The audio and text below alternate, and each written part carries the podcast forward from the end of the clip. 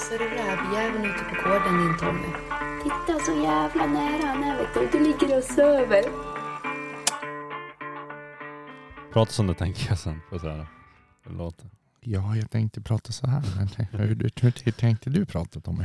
Ja, så att man- så jag låter så, så, så, smart som möjligt. Det kanske blir svårt. Oj, vad tyst. Prata mindre bara. det är ett tips. Nej men fan. Ja, jag kanske inte ska svära hela tiden heller.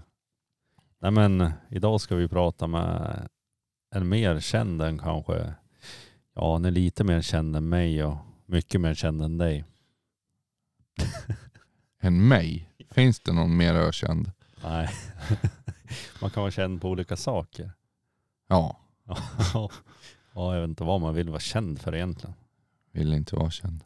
Nej, det är ju väldigt bra egentligen men på något sätt så sitter vi här ändå och gör en jaktpodd. Jo, men då syns man inte. Ja, och sen började jag spela in också. Vi spelade in, det var ju två ganska bra kameror och sen bara ja, schysst. byggde en studio med massa lysen och hejsan svejsan och värmebehandlad furu som är på väggen här och ja, så är det. Ja, det är knepigt. Ja, det är ju rik- riktigt knepigt.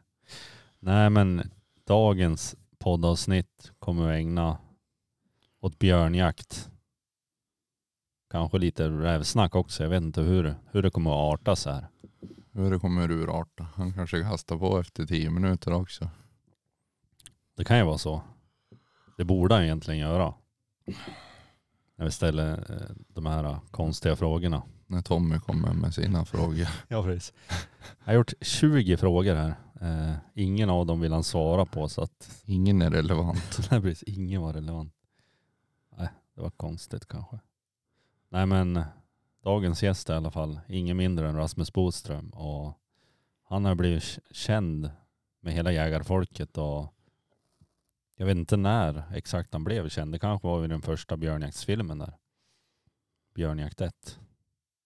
Ja. Jag vet inte. Det var ju då ja. jag började kanske höja på ögonbrynen och vem fan är det där? Ja, så säger nog han om man ser dig. Ja. ja. ja, precis. Det är som en fågelholk. Här är den här jag har pratat med. ja, precis. Vilken jävla fin bild han var det på Bearplay också. Det var ju liksom, har du en bild på dig själv? Ja, Ja. vänta bara. Jag ta. Förgubbad 2000 lyckas han få till. Jag tog den sämsta. Så ser man de andra liksom har stått i, liksom i, ja, typ tränat i två år och eh, tagit hit ett helt jävla kamerateam. Ja, ta kort nu, blir det här bra? Jag bara, nej, det, det vart inte bra. Efter 2000 kort så vart det ett bra kort. Och riktigt så gjorde inte jag. Det var Nina som valde åt dig. Ja, precis. Ja, den här, vänta. Ja, det var lite sjukt. Nu är det ingen annan som vill ha det. Nej, fy fan. Ja, nej. Kanske ska byta den, men ja. Kanske. Det är ett tips från coachen. Och jag är inte någon som bryr mig om bilder. Nej, ja, men den vart helt sämst. Ja. Ja men så är det lite grann. Nej men vad fan, vi kan ju ta lite grann innan vi ringer upp Rasmus här och våra erfarenheter om björnjakt. Har? Driver? Nej, men våra erfarenheter är ganska liknande egentligen. Ja, de skulle ju kunna vara betydligt större. Ja precis. Nej men vi har bara kanske gjort lite grann som Rasmus gjorde i början av sin karriär. Alltså bara misslyckas. Ja, gjort bort oss. Har gjort bort oss. Så att ja, ja men lite så är det väl. Men jag var, jag var med på en lyckad björnjakt i alla fall och då var det Martin Bränne som sköt björn. Ja, jag varit med på någon lyckad för björnen. ja precis. Han slank ur näven som räven gör titt som tätt då. Ja, Nej, men det var väl våra erfarenheter lite grann och sen så har man väl skrämt någon hund och det har man gjort. Det har jag inte gjort. Jag har inte lyckats med det. Men du har ju också, ja nu vet inte jag hur det är med björnprovgödsel. Du har ju en godkänd tik där. Eller hur är det med det? ja, det har jag. Men det är, ja, de skäller ju på björn ute i det vilda också. Så Ja. för den delen. Men det är ingen jakt när man får de skällningarna. Så då är det fullskjutet. Ja, ja precis. Det är ju synd. Ja, Nej men det finns lite. främst för hundarna är det synd. För min del så är det väl vore det ju jättekul att få skjuta en björn men framförallt så vore det kul om någon lyckas skjuta en för hundarna. Ja, det är ju lite så helst med stövarjakten. Nu är det ingen stövare du har det pratat om just nu, men jag tänker liksom björnjakt och rävjakt. Då är det ju lika roligt, nästan roligare ibland, helst som man kanske en, en skytt som aldrig har skjutit förut får göra. Ja, Ja. Det är annat med älgjakten, då är det ju, då ska man skjuta allt själv. Så ja precis. Exakt så. Då, då ska man vara avundsjuk och missunnsam. Ja precis. Och sen så är det väl lite så också att eh, det är ju liksom framavlad för att för ägaren ska skjuta. Annars är det ju egentligen ägaren som har gjort ett ja, stött eller att det blir sken och blir skjuten på det, gud förbjude. Exakt. Men vi ska halka in på ämnet björnjakt och nu ska vi ringa Rasmus Boström och få se om vi stammar fram några ord eller hur fan vi gör.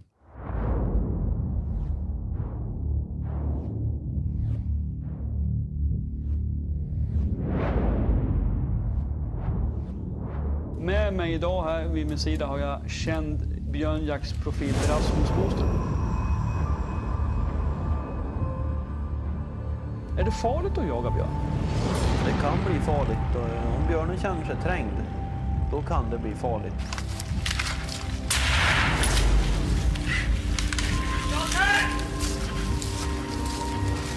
Vilken känsla. Klockan är ja, strax före halv fyra. Men men framförallt vill jag passa på att presentera hundarna. För det är de som bär den här filmen och utan dem hade egentligen ingenting av det jag håller på med varit möjligt.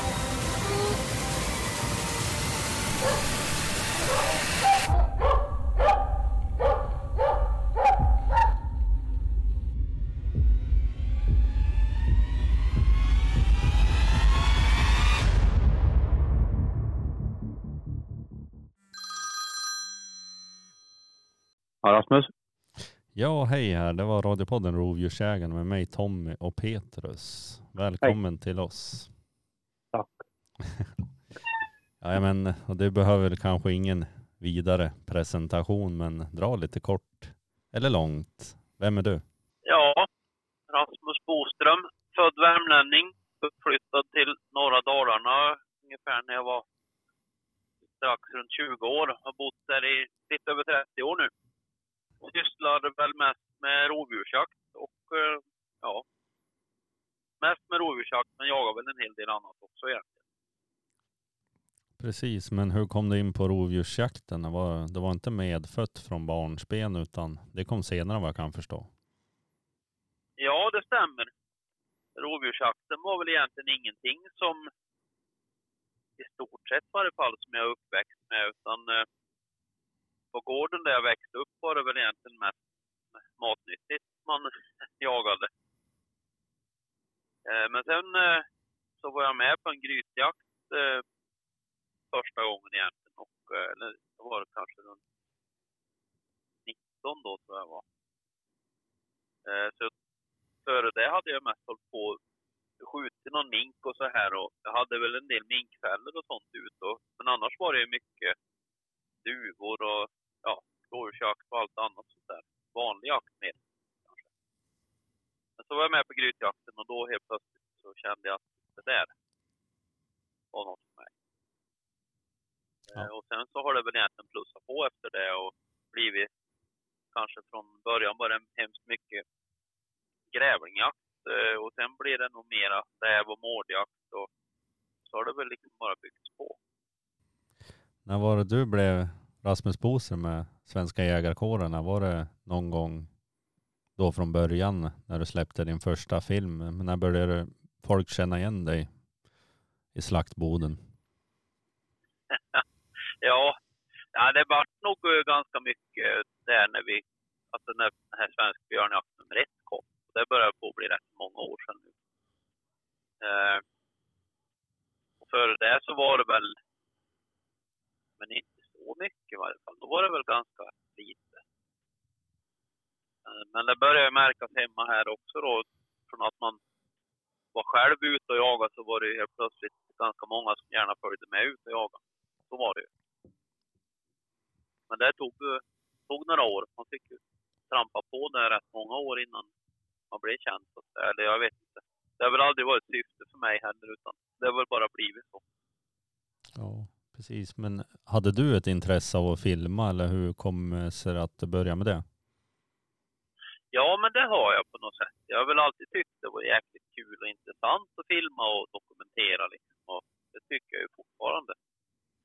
Eh, och det blir ju som en, en nästa dimension på jakten. Alltså när man har fått någon hund eller när man har lärt sig en jaktform ganska bra så kan ju nästa steg vara kanske att dokumentera det här och i mitt fall har det också kanske varit att faktiskt visa hur, ja, hur jakt går till eller hur man jagar helt enkelt vissa djur då, på ett effektivt och bra sätt.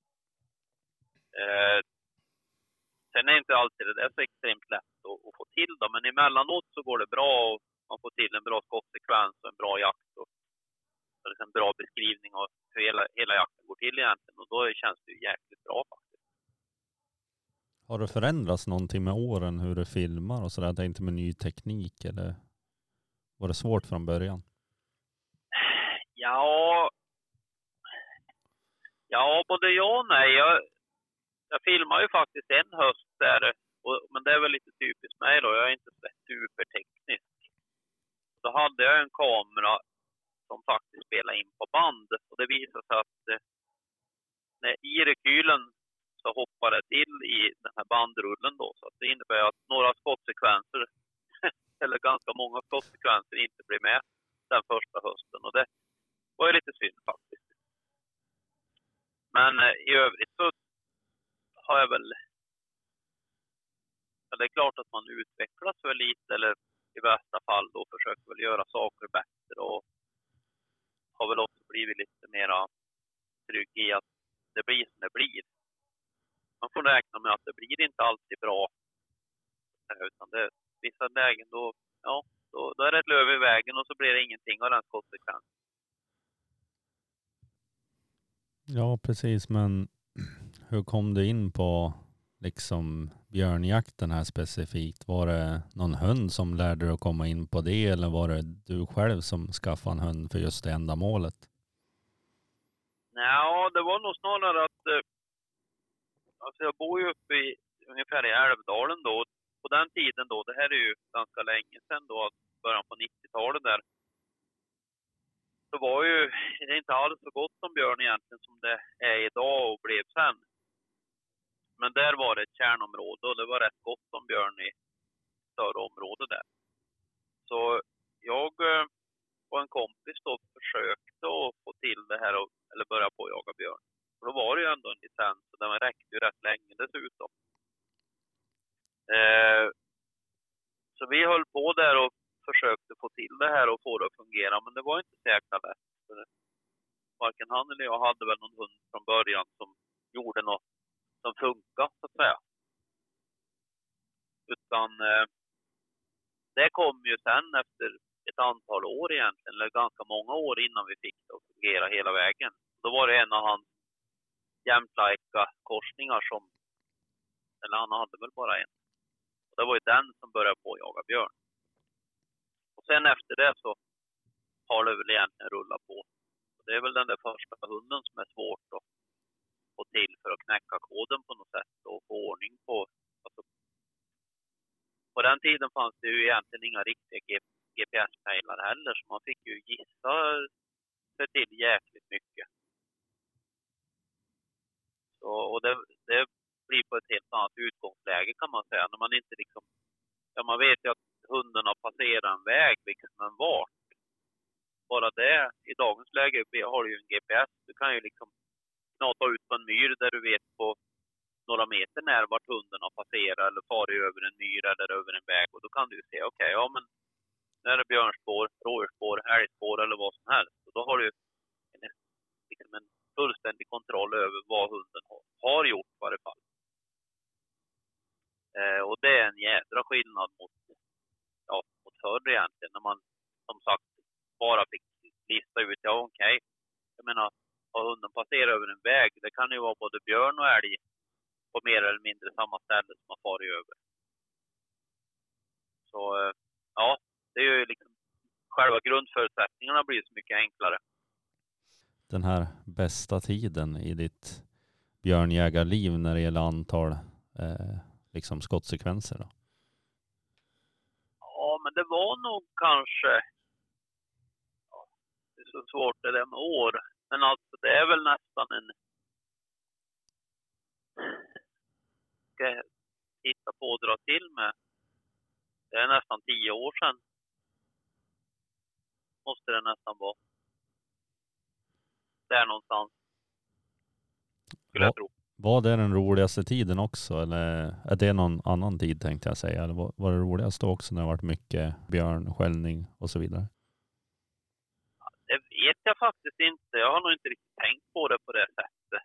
Utan varje år blir väl som det blir bara på något sätt. Det är klart att det är ju riktigt, riktigt tråkigt om man har en, liksom en, en höst där det inte händer något. Det finns ju ett ut, uttryck som också kallas björnjaktkoma, eller det kan också vara lodjursjaktkoma då, lokoma.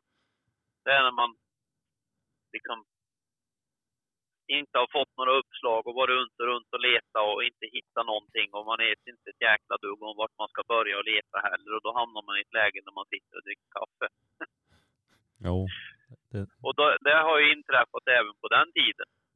Och det tycker jag nästan det är mindre så nu för tiden. Utan nu, ja. På sätt och vis kanske det har blivit nästan bättre nu tycker jag. För ja, på något sätt så är man ute och trampar runt och letar på ett kanske större sätt än vad man gjorde då. För då, då var det också mycket folk som ringde som inte hade egna hundar och man hjälpte till med eftersök och så här. Och nu blir det mer kanske i dagens läge att det finns så mycket bra ekipage och de finns ju oftast närmare folk än vad jag är. Så då får man ju skapa sina egna lägen helt enkelt. Det tycker jag inte gör mig speciellt mycket. Det är ju en extremt mycket trevligare känsla om man liksom börjar med att söka var ute och trampade runt, hittade ett dåligt spår som allt eftersom blir bättre och bättre för hunden och till slut så har man en jakt och så får man den björnen. Eh, jag gillar på något sätt mer de här, vad heter det, när man går ut oförutsättningslöst utan att ens veta ett jäkla dugg av vad man har att börja med och så bara blir det bra ändå. Det är kul. För då är det ju inte att, ja det är ju ingen straffspark utan då är det ju ändå liksom ett visst bra arbete bakom för att lyckas. Ja, eh, jag ser lite också till mig själv nu med den här nästa fråga där. Helst från början när man är lite ovan kanske och släpper den här unghunden och vill få igång han på björn. Och märker du någon skillnad för en, helst en lite orutinerad hund och jaga i mörker, jag tänker tidig morgon och kanske någon natt och sådär. Är det liksom svårare mentalt för en hund att jaga i mörker?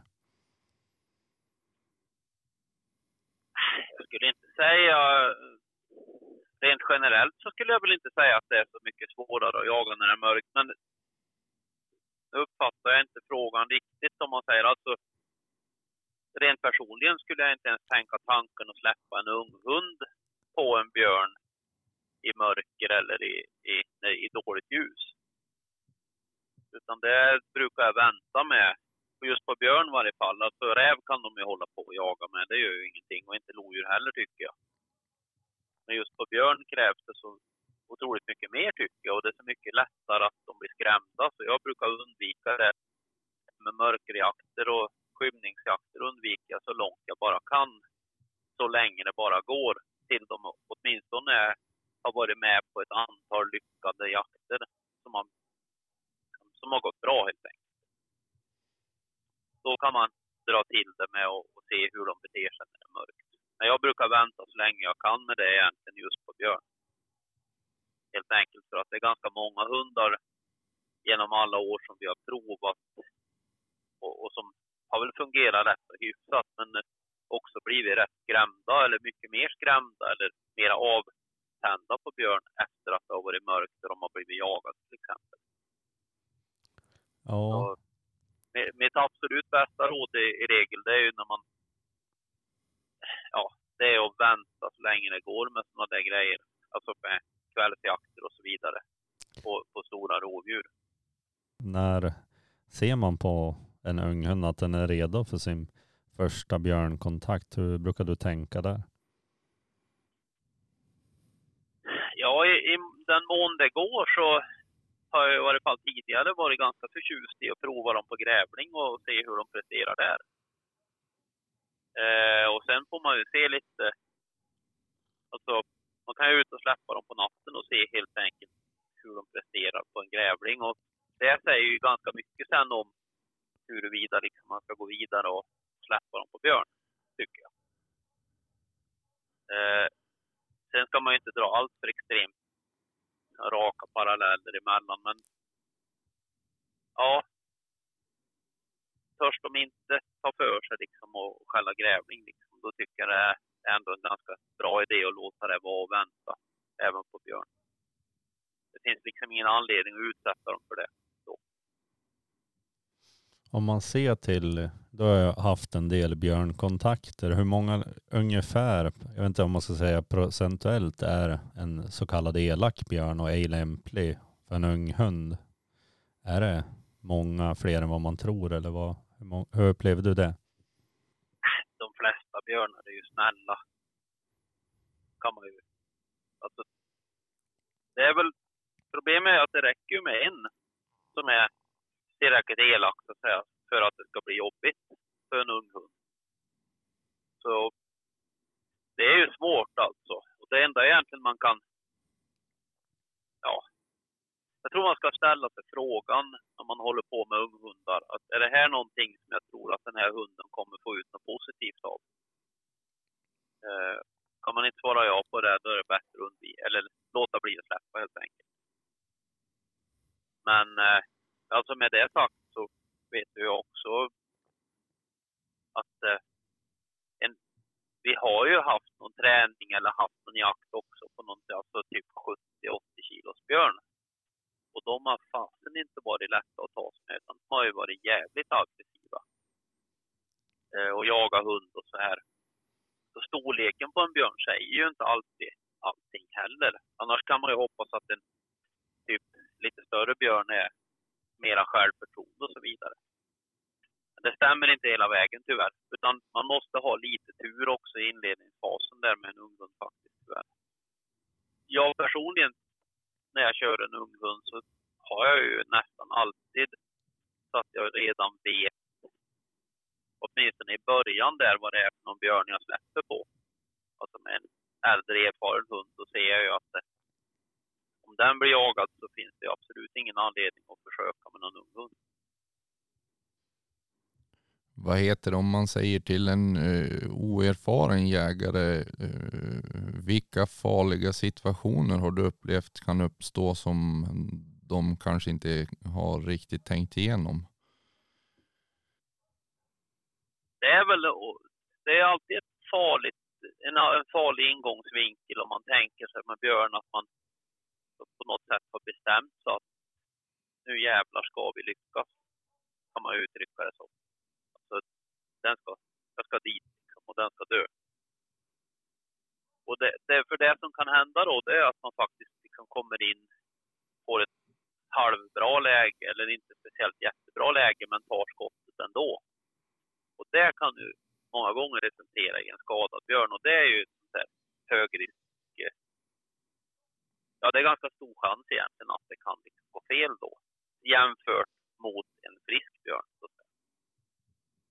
Ja, den här skadade Ja. björnen, hur beter sig en skadad björn oftast? Är, blir de mycket mer aggressiva eller hur?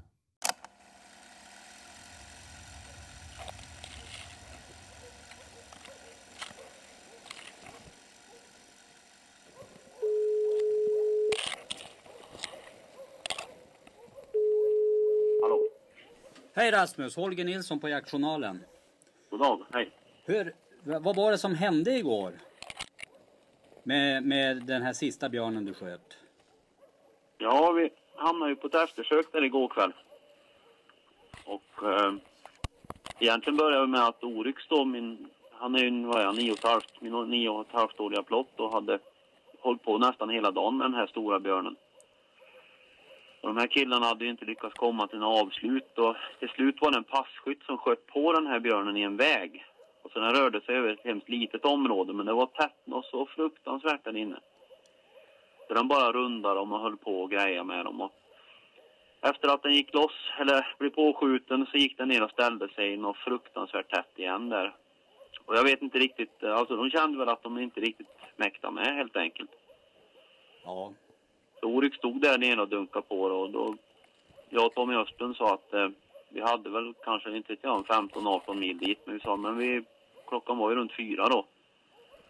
Vi hoppar in i bilen och så åker vi dit med någon fräsch hund och släpper och så tar vi och går ner och skjuter björnen, om det går. Den första planen var väl naturligtvis kanske att enklast i såna här lägen brukar kunna vara liksom att sätta på en hund till, få den att gå loss i gångstånd och sen skjuta den i en väg. Helt enkelt för att det är så tätt och björnen är så stor så man vill inte helst utsätta sig för risken att gå in på ett ståndskall där man måste skjuta den på kanske 10 meter. Utan de här killarna som hade varit med hela dagen och jagat med den här, på den här björnen sa ju det att de hade varit inne på 8-10 meter utan att ens se björnen många gånger. De såg inte ens hundarna fast de var så nära. Eh, så vi får dit i varje fall och det var ju bara alltså fullt ståndskall när vi kom dit också då vid sextiden någonting. Så jag tog min jämte i varje fall och släppte henne från bilen rätt ner på ståndskall och alltså det flyttade sig inte en millimeter utan det bara stod tvärstopp. Så då gjorde vi upp det jag och Tommy att eh, jag sa att han får gärna gå ner på det här ståndet om han känner för det annars gör jag det. Men han eh, tyckte att han kunde hålla vägen där uppe vid bilen då så jag gick ner på den i varje fall.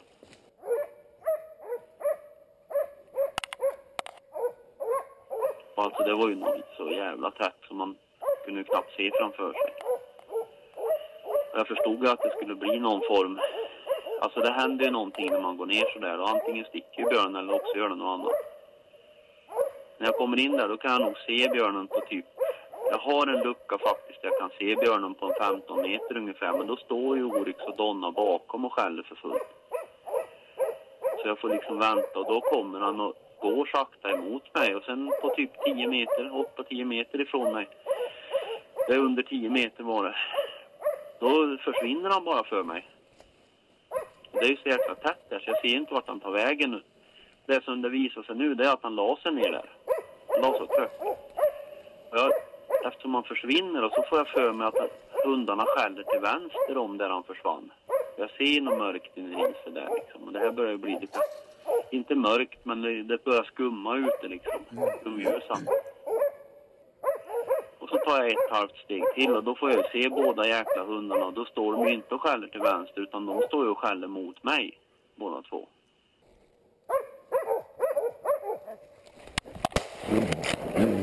Mm.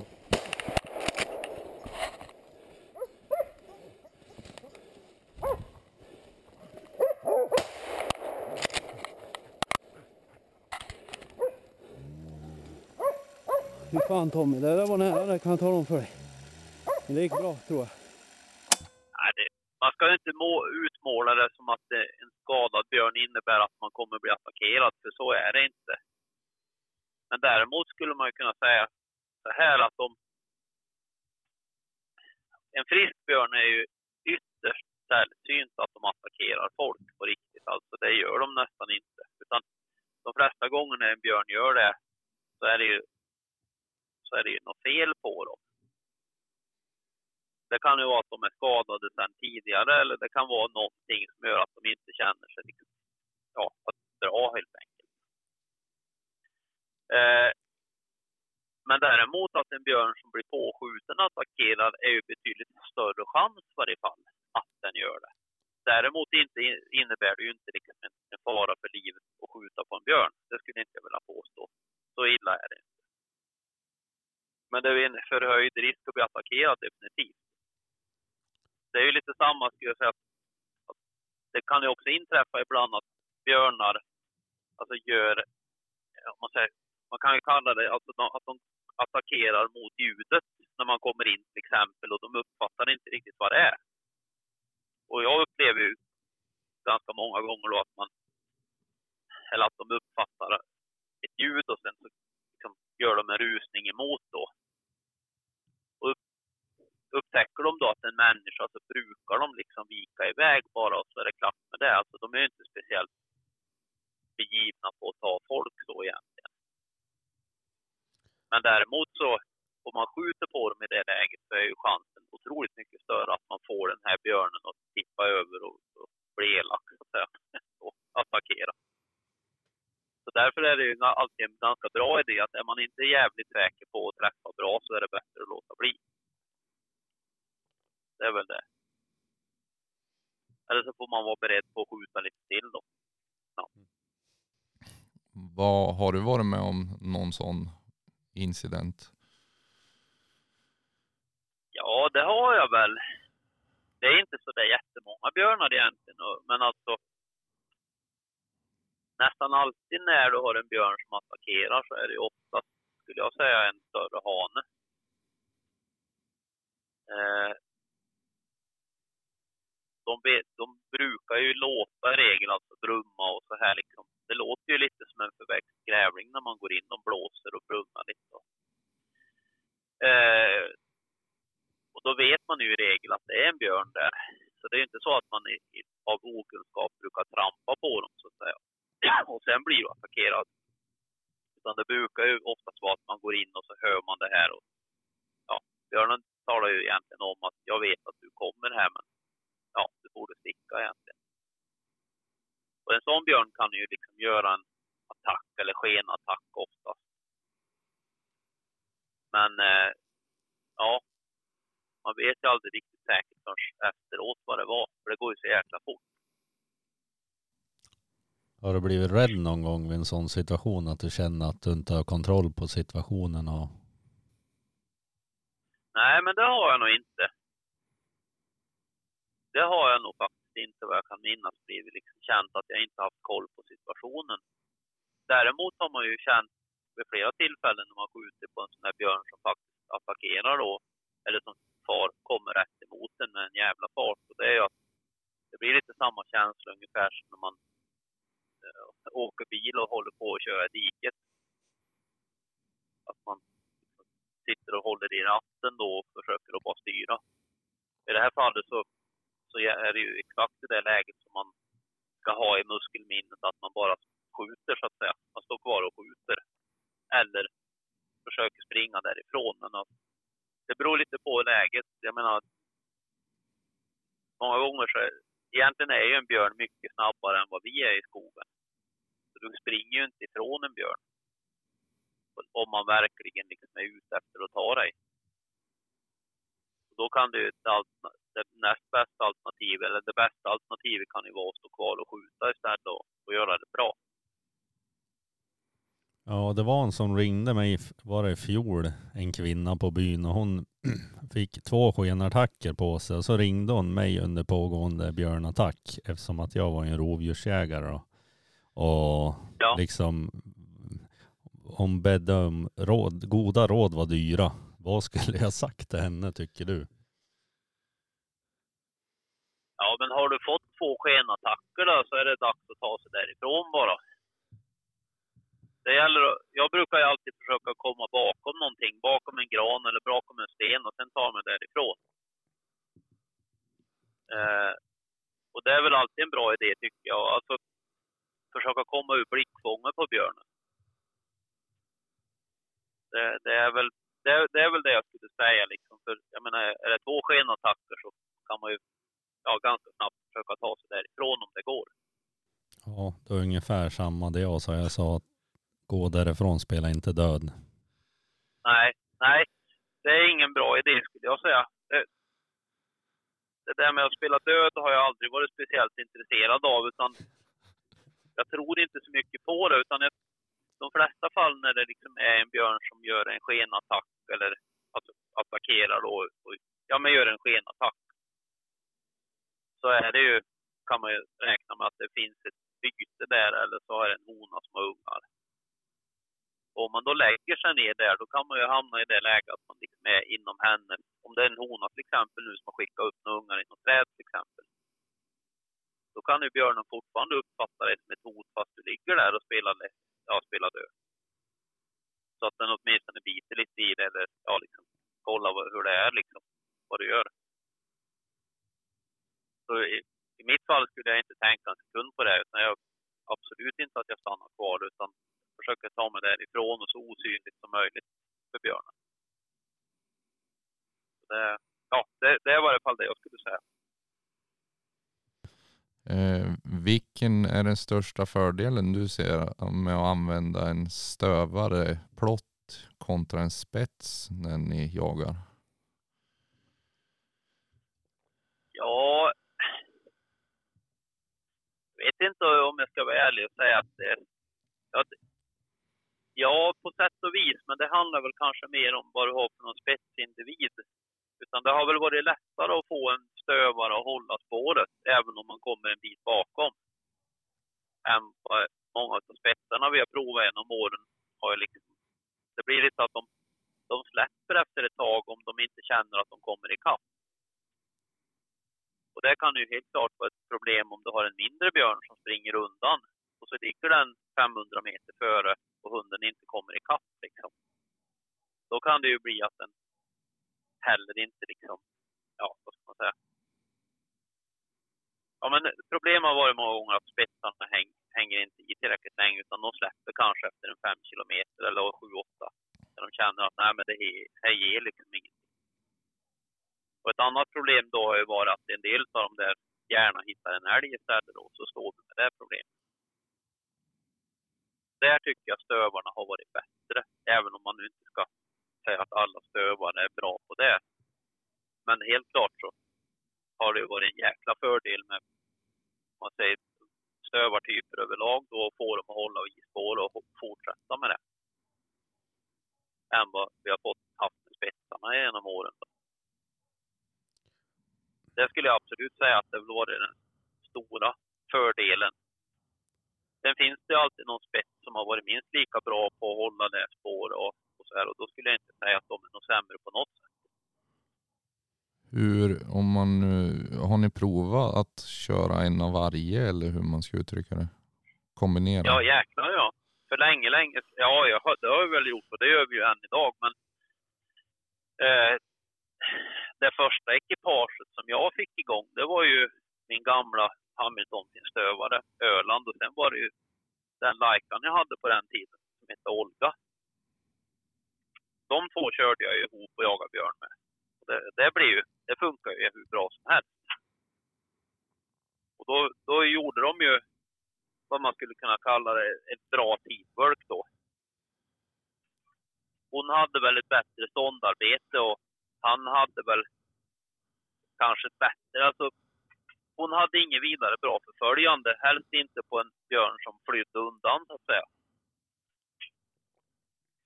Och då var det helt klart en stor fördel att ha stövaren med och det var ju egentligen så det började på något sätt.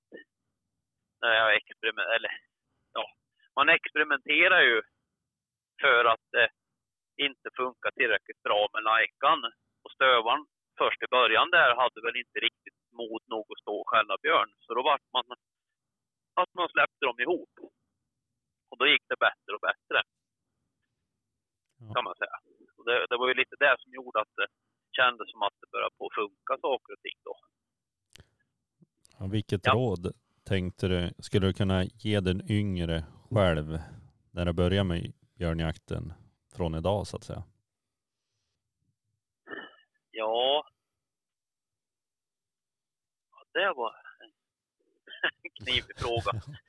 Jag antar att du har lärt dig Ja, ganska men- mycket på vägen och gjort några misstag. Ja, ja, visst. Jo, men mitt råd till mig själv, det skulle nog ha varit liksom att jag skulle ha lagt ner från början mycket, mycket mer tid på spårträning och lära hunden att gå, alltså spåra i lina och så här, så att jag kunde använda det för att gå och banda till exempel och se vad det är för någon björn eller att det faktiskt är en björn vi har, alltså som, som vi spårar. jag tror att jag hade löst otroligt mycket mer jakter då om jag hade haft den ingången på det med en, en halvbra eller tillräckligt bra spårhund på den tiden.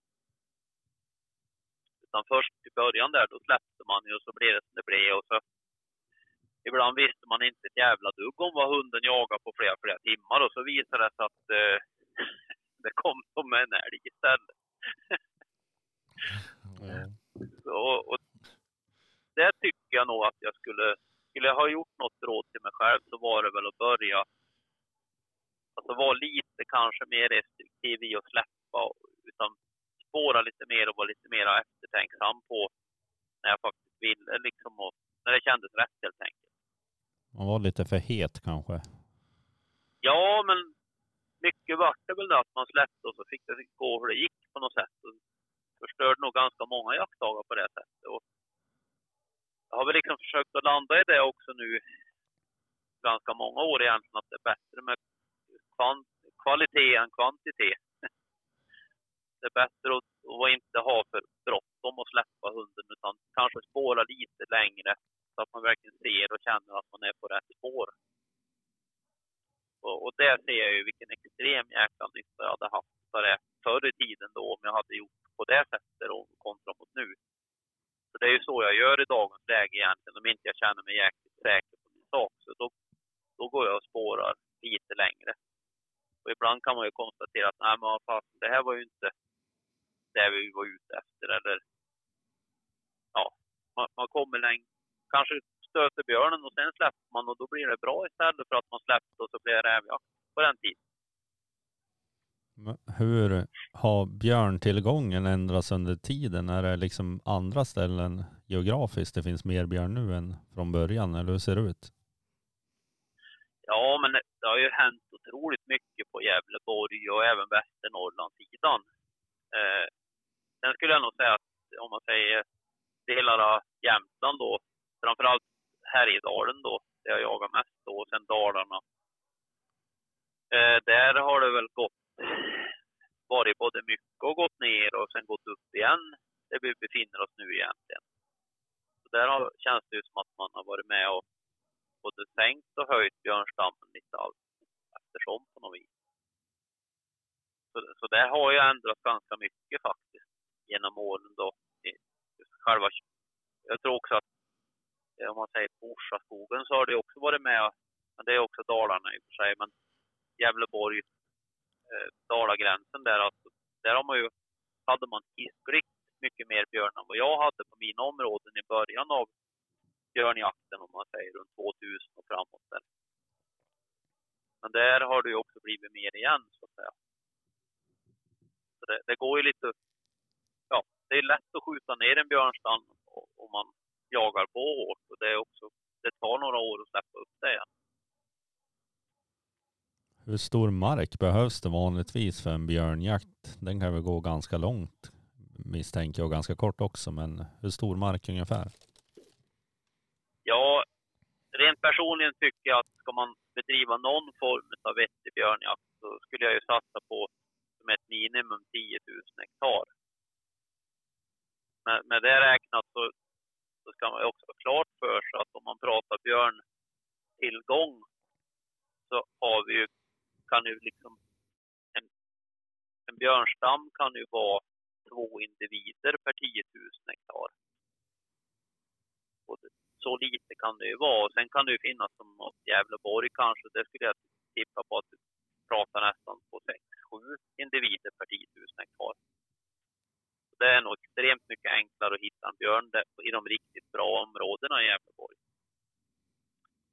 Eh, men eh, jag tycker 10 000 hektar tycker jag. Och då, I det fallet om jag skulle jaga där, då skulle jag redan direkt ringa och prata med jaktgrannarna runt om.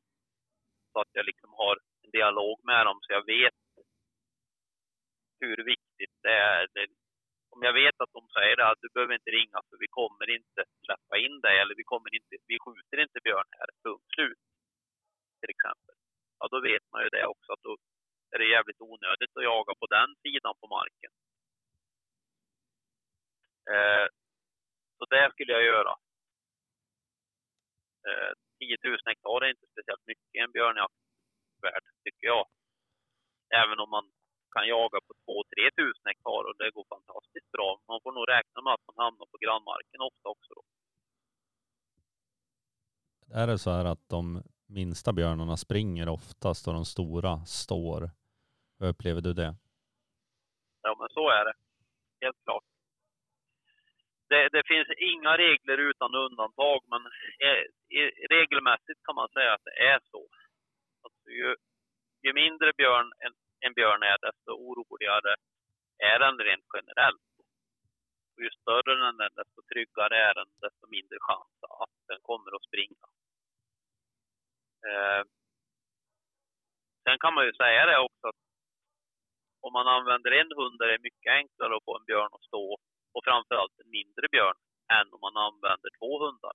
Det är svårare att få en, mindre björn, alltså säg 50-70 kilo, och stå, eller få ståndskall på den om du har två hundar än om du har en. Helt enkelt i min värld för att den björnen har inte självförtroende att stå kvar helt enkelt. Och då springer den. Är det då bättre att använda en spetshund om man vill få den att stå? Hur upplever du de situationerna?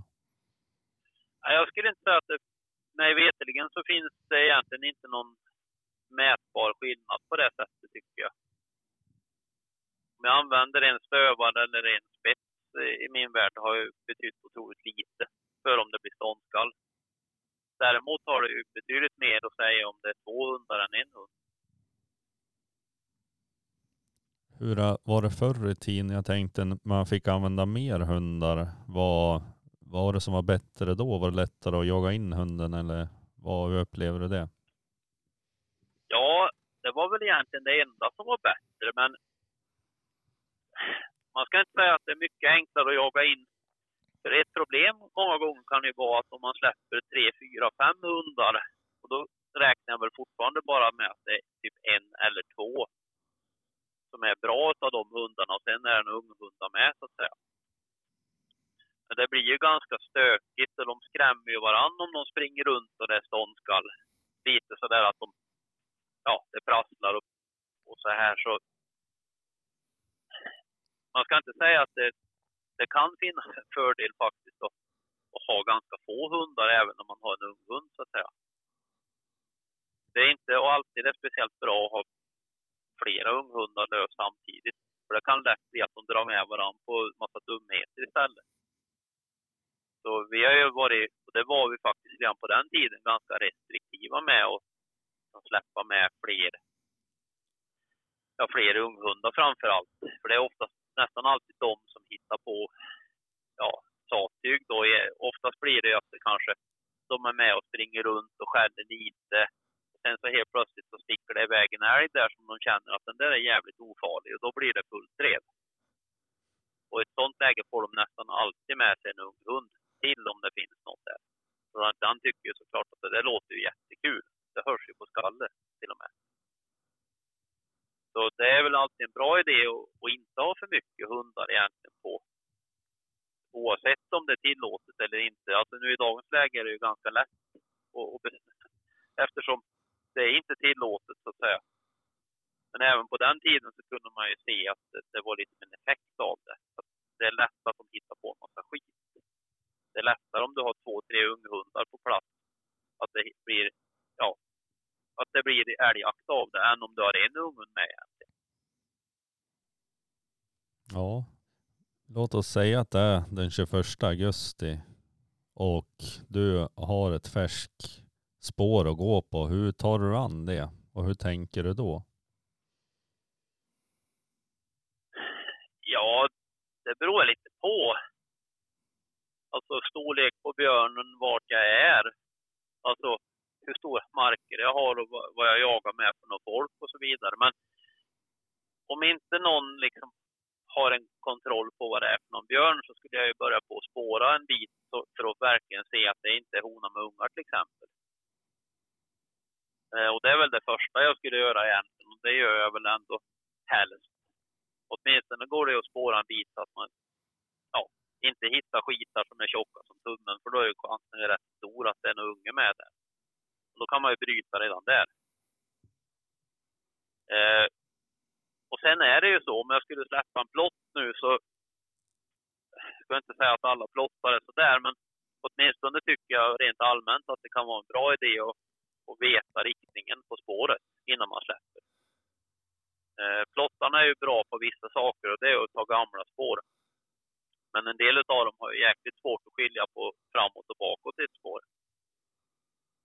Eh, och det kan ju förstöra faktiskt en hel jaktdag i värsta fall. Om man släpper en hund i bakspåret.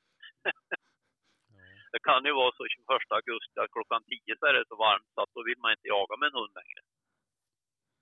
Eh, och då är det en bra idé att ja, och, och få till hunden åt rätt håll direkt. och det får man ju gå och titta på. Jag menar, går du i blåbärsis är det inte så lätt att se, men sen här, förr eller senare kommer du ju hamna ut i något surhål eller något myrgräs och sånt där. Då ser du ju vart, åt vilka håll björnen har gått direkt. Då får man ju knata och gå fram till det, så man känner att man har koll på det. Men vilken är den bästa hunden du har jagat med? Ja, det är nog blaser som jag haft tidigare. Det skulle jag säga. Det är nog den bästa, säkraste hunden jag haft. Det, det skulle jag säga.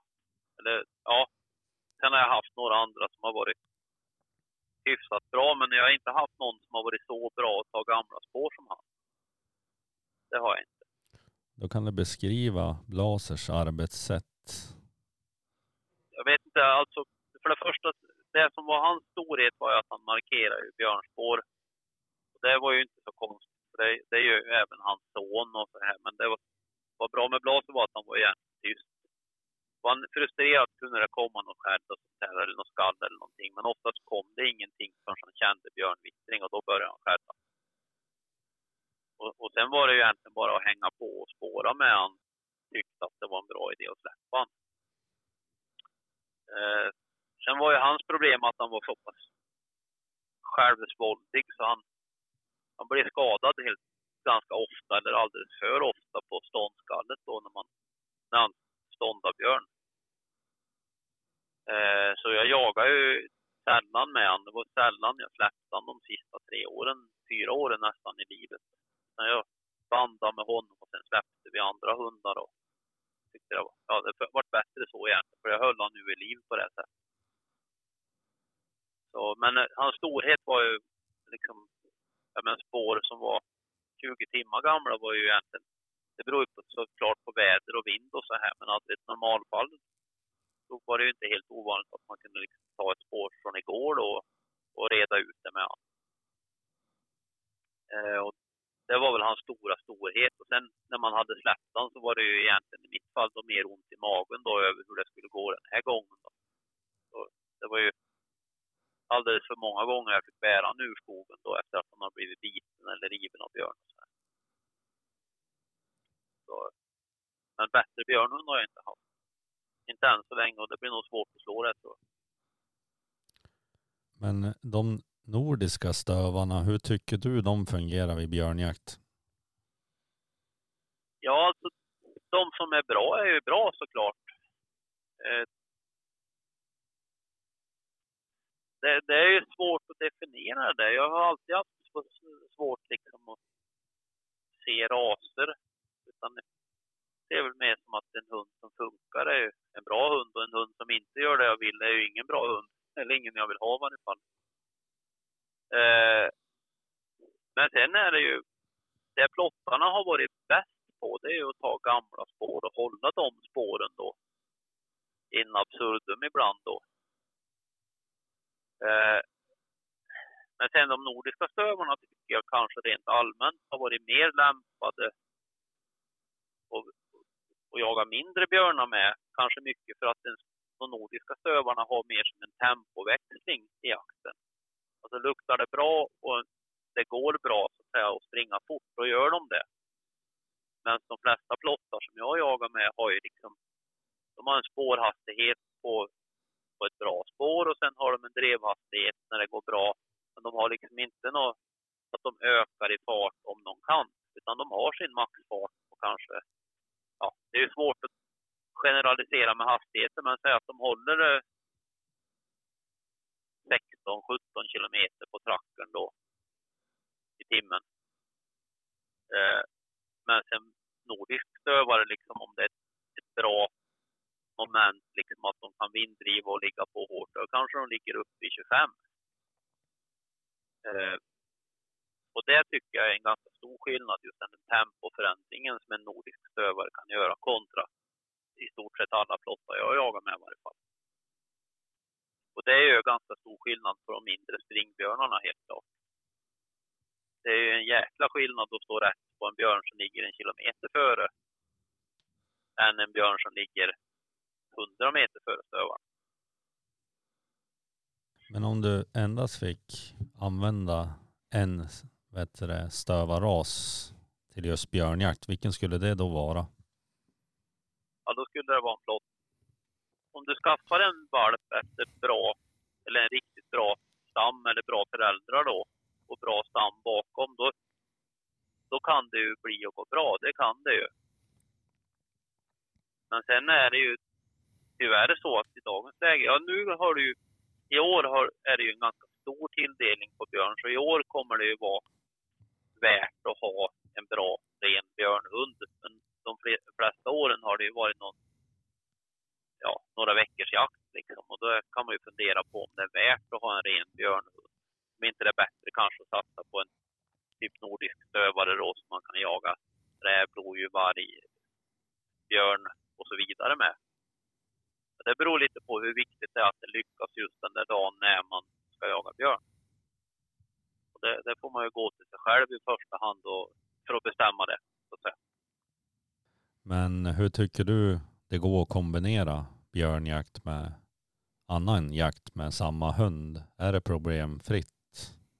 Eller hur upplever du det? Nej, men nej, det, jag vet inte om det är något problem. Det är väl bara det att man får leva med att det blir, alltså att de jagar andra saker också då när det händer. Och det, ja, jag tror att det viktiga är väl att man har liksom gjort en plan för det här redan när man skaffar den här valpen. Att det här ser jag framför mig att om vi är ute och jagar så vill jag att den bara ska jaga björn. Ja, men då är det ju bara det som gäller från första början. Då ska jag inte hålla på och tramsa med något annat. Men om jag ser det att ja, men om jag och mina kompisar är ute och jagar och så får hunden tag en räv, ja men då jagar vi räv. Då, då får man ju leva med det på gott och ont. Eh, däremot ser jag det kanske i min, mitt fall då, jag hjälper ju till och ja, har hjälpt till i flera olika projekt egentligen i björnforskningen också. Och i flera av de här tillfällena så har det ju liksom varit, då har jag ju fått betalt för att se till att vi jagar just björn. Och det blir ju ganska viktigt då för mig också att den hunden som jag säger att vi ska använda och jaga björn med, den jagar bara det. Det blir ju på ett, på ett helt annat eh, sätt liksom. Men det är ju som, man kan ju säga att jag har ju två stövare just nu. Eller jag har ju en plott som heter Bull och han är efter Blaser. Och honom har jag ju bara jagat björn med. Och sen har jag min finstövare Boss och de är ungefär lika gamla de där två. Den ena är fem och den andra är sex. Eh,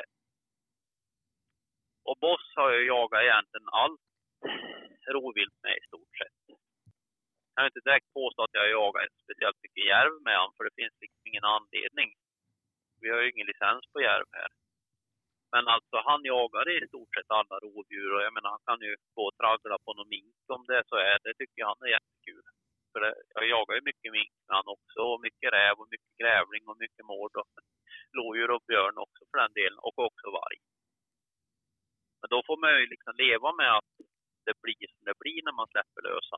Det är ju inte givet just den gången när jag släpper honom att han prioriterar att ta upp en björn bara för att det är björnjakt. Utan det kan ju lika gärna bli att han tar ett rävspår eller ett mårdspår som han tycker luktar jättebra. Då får man ju liksom ställa sig den funderingen så att säga. Men då, i mitt fall har jag bull, då kan jag gå och spåra med han. Även om inte jag vill släppa just han så kan jag gå och banda med han till jag känner att Nej, men det här är nog så bra nu så att då provar jag och släpper oss till exempel eller någon annan stövare vi har med. Ja. Då får man ju använda det på det sättet och försöka att ja, För för jag menar, det är ju barmark när man jagar, så jag vet ju inte vad som har gått där egentligen. Han tar väl det han tycker är, luktar bäst just då. Och sen fastnar han väl i det spåret i regel då. Och då spelar det ganska lite roll om alla andra spår som korsar och så här. Han är ganska trogen på det sättet. Det tycker jag är bra. Hur Så. blev bossen Björnhund, hur är hans väg där då? Var den spikrak eller? Nej, det skulle jag inte säga. För det första så, så jagar jag ju mest egentligen, eller det började ju med att jag hade med honom på ja, rävjakt och minkjakt och mårdjakt och lite sånt där. Och det var, sen tog jag faktiskt med honom till Kanada. Vi var dit och, och då var ju han i, vad var han? Ja, han var väl dryga år, så han 14 månader då kanske och Bull var väl 10 eller något sånt där. Ja, eller 12, han kanske var 12 månader bort och Bull vara ja, 10 eller något sånt där. Då åkte vi och Anders Lindqvist då från Sveg, vi åkte till Kanada och, och var där några veckor. Och det är klart att det var nog jävligt nyttigt, just den här mängdträningen man kan ge dem. Så, men just där och då så kan jag ju säga att vi hade väl, vi jagade ju lag med Steve Moore där och Boss var ju den som initierade fler hjortjakter än vad de andra hundarna gjorde ihop. så, så det kändes väl lite sådär. Så vid, vid något läge där faktiskt, då, var, då hamnade han i buren. I, på, för jag tänkte faktiskt då när han var ett, ungefär när han hade presterat fyra hjortjakter där på relativt kort tid, då tänkte jag också att det här kanske inte är något för honom så att säga. Eh, och då ställde jag in honom där och så fick han vara med i den här boxen då, eller när vi åkte runt och strejkade Björn, och då fick han vara med i lådan där bara och ja, tänkte jag skulle inte släppa honom alls för det det var lite pinsamt nästan när vi hade liksom 30 hundar med oss och så alternerade vi ju dem. Vi släppte dem ju inte samtidigt men alltså vi alternerade ju olika dagar med olika hundar då. Som körde ju olika packs som det heter då. Eh, så han fick vara med där egentligen. Bara. Eh, och då hade han nog stått i en 4, 5, 6 dagar eller något sånt där tror jag. Och så råkade det bli fel. Utan vi släppte hundarna och då var det vart väl ett missförstånd att Boss eh, han blev släppt utan pejl dessutom. Eh, men vi hittade igen han och några fler hundar när de stod och skällde upp med träd där så småningom. Eh, och då efter det så gick det mycket bättre faktiskt. Så någonstans trillar väl kanske polletten ner hos honom lite. Och det kan ju också vara att han blir lite trött men i huvudet av det och hittar på lite dumheter då, vilket ofta unghundarna gör. Och det kanske blir lite för mycket för honom på kort tid där då. Och det, och vi har faktiskt gjort så när jag varit dit till Kanada tidigare och, och varit och jagat. Vi har lagt in en vilopaus i regel i mitt i där. Så att man jagar kanske en fem, sju dagar och sen så kör vi en fyra, fem, sex dagar där vi försöker hitta på något annat då, eller vi kan räkna med att då kommer vi inte släppa de här hundarna vi har haft med oss. Och sen kör vi lite till innan vi åker hem. Och det tror jag har varit bra faktiskt att tänka på, inte bara köra skiten ur dem så att de inte liksom orkar. Utan att de får liksom tid att återhämta sig mentalt. Det tror jag är viktigt. Kommer inte ihåg, då var han ju det året och då var han inte just med så mycket ute i Björnska, Jag hade väl med han mest bara ute i, liksom den hösten var det mest bara med och lukta lite på någon björn och där som jag hade fått. Och det var liksom inte så mycket mer med det. Jag släppte han inte den hösten om jag minns rätt. Men sen hösten efter det i varje fall, då vet jag vi var på något... Det var väl 20... Det måste nästan ha varit 22 augusti eller något sånt där. Då hamnade vi på ett eftersök i varje fall och då... Vi var iväg här nere mot Mora till och skulle hjälpa till med ett eftersök som höll väl kanske på att rinna dem ur händerna då. Eh, och det var inte alls meningen att det var Boss som skulle jaga den björnen själv då. Det var en liten björn, men det var inte så noga. Men det slutade med att det var han som jagade den själv ganska länge då innan vi faktiskt sköt den då. Så, och det kändes väl som att ja, fan, det kanske inte blir så dåligt det här ändå. Så, men sen efter det så har det väl gått egentligen bättre och bättre. Men jag har varit ganska försiktig med han kan jag säga. Jag har inte haft det så jäkla bråttom. För jag har ju haft, ja, blaser och jag har haft andra hundar. Och jag har ju också jagat en hel del med Stefan Lindström där som också har bra hundar. Så vi, jag har liksom inte haft något jättebehov av att ha bråttom att släppa honom utan hellre låtit vänta på de chanserna där jag känner att han kan få ut något bra utav det. Men han ståndar Björn själv idag, eller hur är det? Ja, men det gör han. Det gör han. Sen eh, kan jag fortfarande säga det att jag har väl inte haft något sån här större intresse av att han ska stå och egentligen skälla Björn själv. Men alltså, ja, det gör han. Så det, det, vi får väl se. Jag tänkte väl att fortsätter det att gå så här bra som det har gjort så kommer jag väl att ställa upp ställa honom på björntest, eller björnprov här i höst. Så jag tänkt. Ja, spännande. Ja, vi får se hur det blir. Men eh, jo, det tycker jag väl ändå han har gått så pass bra. Så. Kan han stå och skälla björn i mörkret själv så borde han väl funka och göra ett prov med. Men eh, en sak som jag legat och tänkt på, hur stora björnar finns det där ute i skogen? Det finns väl någon lite över 300, det gör det ju, men de är jäkligt sällsynta. Men någon, någon, någon enstaka där ute finns det ju, men det är ju ganska få av dem. Och redan när det börjar komma över 250 är det ju inte så många längre.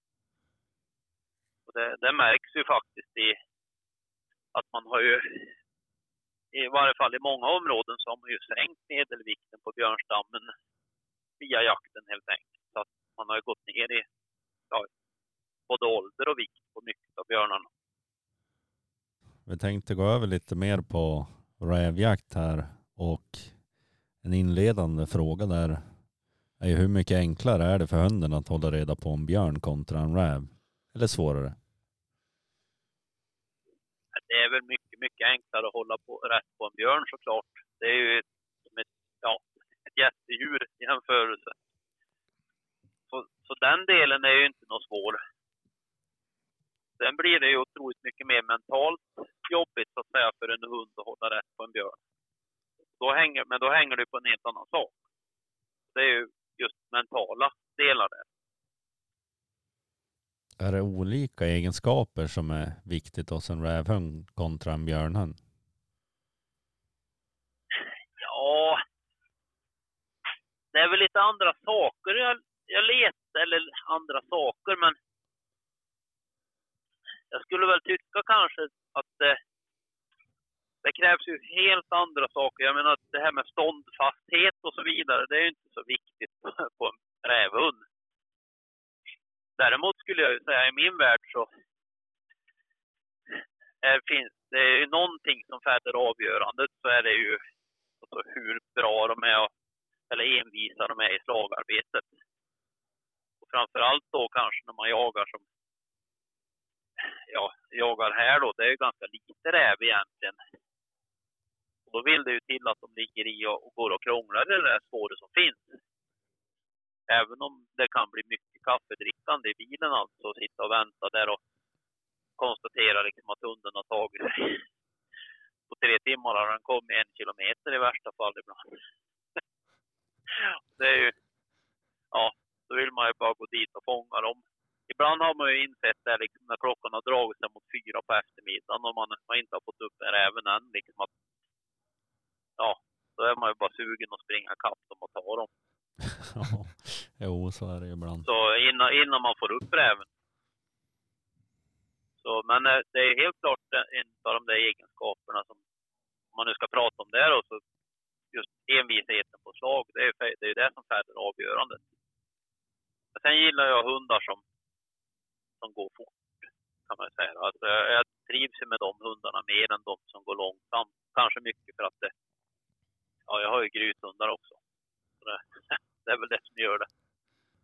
Men tänker du lite annorlunda på injagning av en rävhund eller, björnhund? Då kan man ju kanske i tidigare ålder tänker jag bland annat. Ja, jo, men en rävhund kan ju vara med ja, direkt nästan, eller inte direkt, men alltså när de är ett halvår kan man ju ut och börja gå i något slag med dem och, och låta dem få chansen om de vill. Sen kan jag säga att jag har inte haft speciellt bråttom med de här senare stövarna jag haft, helt enkelt för att jag har insett att det, det är inte säkert att de blir något bättre att driva räv. Det känns ju bättre för en själv Men det är inte säkert att de blir något bättre som slutprodukt bara för att man börjar tidigt med dem. Men det är klart att det känns ju mycket trevligare och, om man har en om man har en hund som liksom har gjort eh, ett antal bra drev när den är tio månader. Det gör det ju. Men det, men det hänger ju hemskt mycket på hur mycket själv, tid man själv har lagt ner på den hunden och låter den få chansen att bli bra. Hur tycker du olika raser fungerar på just rävjakt? Jag vet du har haft några olika. Ja, det är väl det snarare att jag har väl kanske tittat snarare på individ, eller på vad hundarna gör när jag har skaffat valp då. Eller liksom linjerna och så här. Och, och då har jag väl valt också hundar som inte väcker på slag så det är jättelätt. Utan sådana som är ganska tysta eller ärliga liksom och är nästan på gränsen till för ärliga ibland. Eh, det kanske har mycket att göra med lodjursjakten då, att jag för, föredrar hundar som inte skäller för mycket när vi jagar lodjur i djup snö framför allt. För då blir det ett jäkla försprång för dem. Så, så jag värdesätter ju en hund som, i min värld behöver de inte väcka på slag utan de får gärna gå tyst till upptag, det gör mig ingenting. Och det, ja, jag har haft några sådana hundar nu, tre hundar på raken faktiskt. Men det tror jag inte det har någonting med mitt sätt att jaga in hunden utan det har nog bara att göra med att ja, de är sådana. Vad är den bästa rävhunden du har jagat med då? Ja du, det var inte så lätt det heller. Vi kan ta av dina hundar kanske. Jag skulle säga att det, det är inte säkert på att det är mina hundar då jag tänker på egentligen. De, håller, de jagar ju så mycket olika saker med. Eh, men jag skulle nog säga att ja men Boss är nog han får nog dela plats med Helga för tillfället tror jag. Eh, fast Boss är mycket, mycket Helga var den rystövare jag hade för. Eh, det hon inte hade, det var ju ett bra spårarbete. Alltså, hon var jättemycket sämre än honom att ta gamla spår. Men när det gällde att driva räv eller jaga räv, alltså då, då var de nog ganska så jämna tycker jag på det sättet. Så, men eh, Boss är nog mer en komplett rävhund skulle jag säga. Det, det tycker jag. Alltså, ja, det är han helt klart. Han, är- han är mycket mer för att ja, jobba envist på slag och sen reser han räven så småningom och så blir det jakt. Men Helga var mer bak dålig på att ta slag och så. Ja. Men hon hittade ju en del rävar för det. Men hon kunde, normalt brukar jag säga, säga att i, kom hon iväg 500 meter efter ett spår, då brukar hon få upp räven. Men det är ju inte riktigt givet att Boss får det. Utan han kanske går fem kilometer innan han får upp ibland. Så det är lite olika. Det här med terrier, vad, vad är din erfarenhet om, av det? Jag har haft lite olika egentligen. Jag har väl varit ganska otrogen där också egentligen. Jag har haft både border och jack russell och foxterrier och tyskterrier och ja, tror väl lite om vartannat egentligen. Så jag tycker nog det är samma där egentligen, att man får liksom sätta sig ner och titta på egentligen. Eller jag har gjort så i alla fall rent allmänt, att jag sätter mig ner och titt- tänker igenom vad vill jag ha ut av den här hunden. Eh, vill jag ha den till allt möjligt till exempel så kanske en tysk terrier är bra. Vilket i och för sig också fick när jag skulle skaffa en ny hund efter tyskterriern då så tänkte jag ju egentligen tvärtom att jag vill inte ha en hund med drevdel. Jag ser hellre att den liksom är nära mig och inte springer och jagar rådjur och rävar och älgar och allting den hittar på. Utan, och därför har jag väl fastnat för foxterrier nu och haft det ganska ett antal år i varje fall. Några generationer.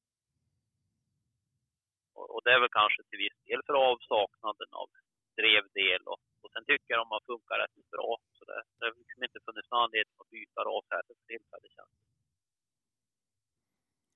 Hur vill du att terriern ska jobba då på, när du står på Gryte eller i närheten av? Ja, om jag jagar på räv antar jag, så då... blir- I den bästa av världar, då ska ju hunden in och bråka med räven och, och sen i den bästa av världar komma ut efter en 5-10 minuter och komma till mig. Eh, för det är ju i regel då räven kommer. Sen är det ju inte alltid det sker efter skolboken därför eh, ja. En del terriers märker du på att de är ju sådär att de kommer ut efter en stund och kommer till den. Helt enkelt för att de är sådana. Men sen har du ju andra individer som som helt klart liksom, ja, mera förliggartypen liksom. De ligger där och skäller till man ropar ut dem helt enkelt. Så det är ju inte att föredra för att spränga rävar med klart. Det är det ju. Men eh, nej, i den bästa av världar så ska de ju vara naturligt sprängande så att säga. Går in, söka kontakt, jaga på räven lite, komma ut, söka upp mig. Och sen, ja då brukar ju räven komma i. Ja, exakt. Vad heter det, hur tänker du när du ska jaga in din terrier då? Är det vid någon viss ålder eller? Ja, nu brukar jag nästan alltid ha med de här terrierna när de är små eller unga då, fast inte på räv då, utan oftast brukar jag ha med dem i närheten och så får de vara med till exempel på minkjakt och kanske jag har med dem på någon mårdjakt och så. När de har blivit, säg, beroende på hur de är liksom mentalt, 6-10 månader. Då brukar jag ha med dem och där ser man ju lite hur de ligger till. Eh, som sagt, oftast brukar jag försöka få med dem då. Jag menar, är de fyra månader så kan man ju ha med dem på någon minkjakt och låta dem springa lite och så har man dem innanför jackan lite och, eller i ryggsäcken och så. Allt sånt där tror jag är nyttigt för dem att de liksom får vara med och inte att de jagar men att de får, får vara med liksom. Det kan ju, sånt knyter man ju också band med en hund genom att bara ha med dem. Det tror jag är viktigt i slutändan att man liksom får dem att ja, anknyta bra emot den. Sen ser man ju i regel när de kanske börjar på att bli säg, 12-14 månader eller där kring. Då brukar jag ju släppa dem. Men före det har jag ju nästan alltid haft med dem som sagt både på minkar och lite mårdjakt och, och kanske släppt dem i något tomma gryt eller gryt som vi redan har sprängt räven ur. Och sen i den bästa av världar om jag har någon lada eller någonting eller något gammalt hus eller något som räven har farit under, då skulle jag ju släppa unghunden i ett sånt läge. Eh, och sen får man ju prova och se hur det går, tänker jag bara. Eh, det är väl alltid, ja, det, de här husen och ladorna är ju alltid mycket enklare för en hund att hålla, hålla i så att säga än att vara ett riktigt gryt och helst ett djupt gryt. Då. Det krävs ju betydligt mer utav det. Och de viktigaste egenskaperna på en, just en terrier.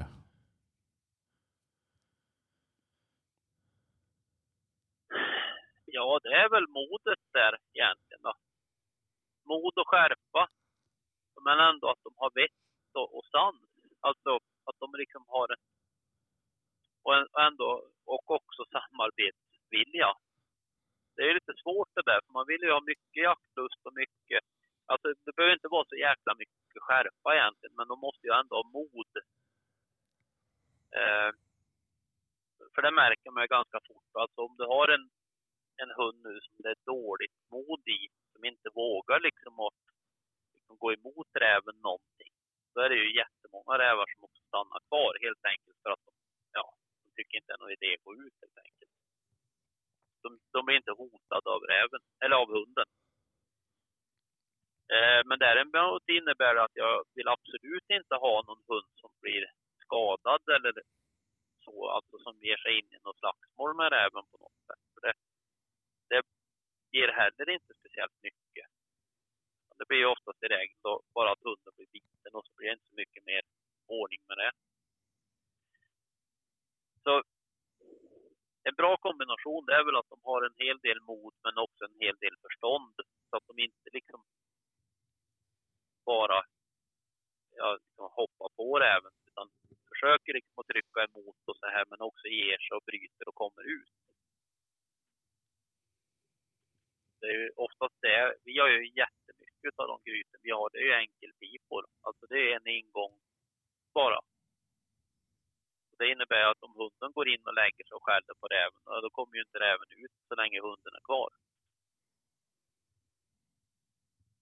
Så det, det kan ju också vara så att det krävs kanske olika saker inser jag ju. Som när jag varit ner över landet så är det många gånger jättestora gryt som det krävs en hund som är, liksom ligger efter även mycket mer och hårdare för att få den att lämna gryt helt enkelt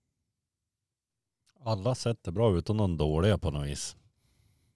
Ja, men lite så är det och jag inser ju det liksom när man nu kanske jag inte åker runt och jagar så jäkla mycket som jag gjorde förr, men förr tror jag hade liksom, ja men, på 120 jaktdagar så kanske jag hade 60 borta eller något sånt där. Och flängde runt och jagade. Och då inser man att det finns så mycket olika gryt och man träffar en massa andra människor med olika infallsvinklar på vad en bra terrier är.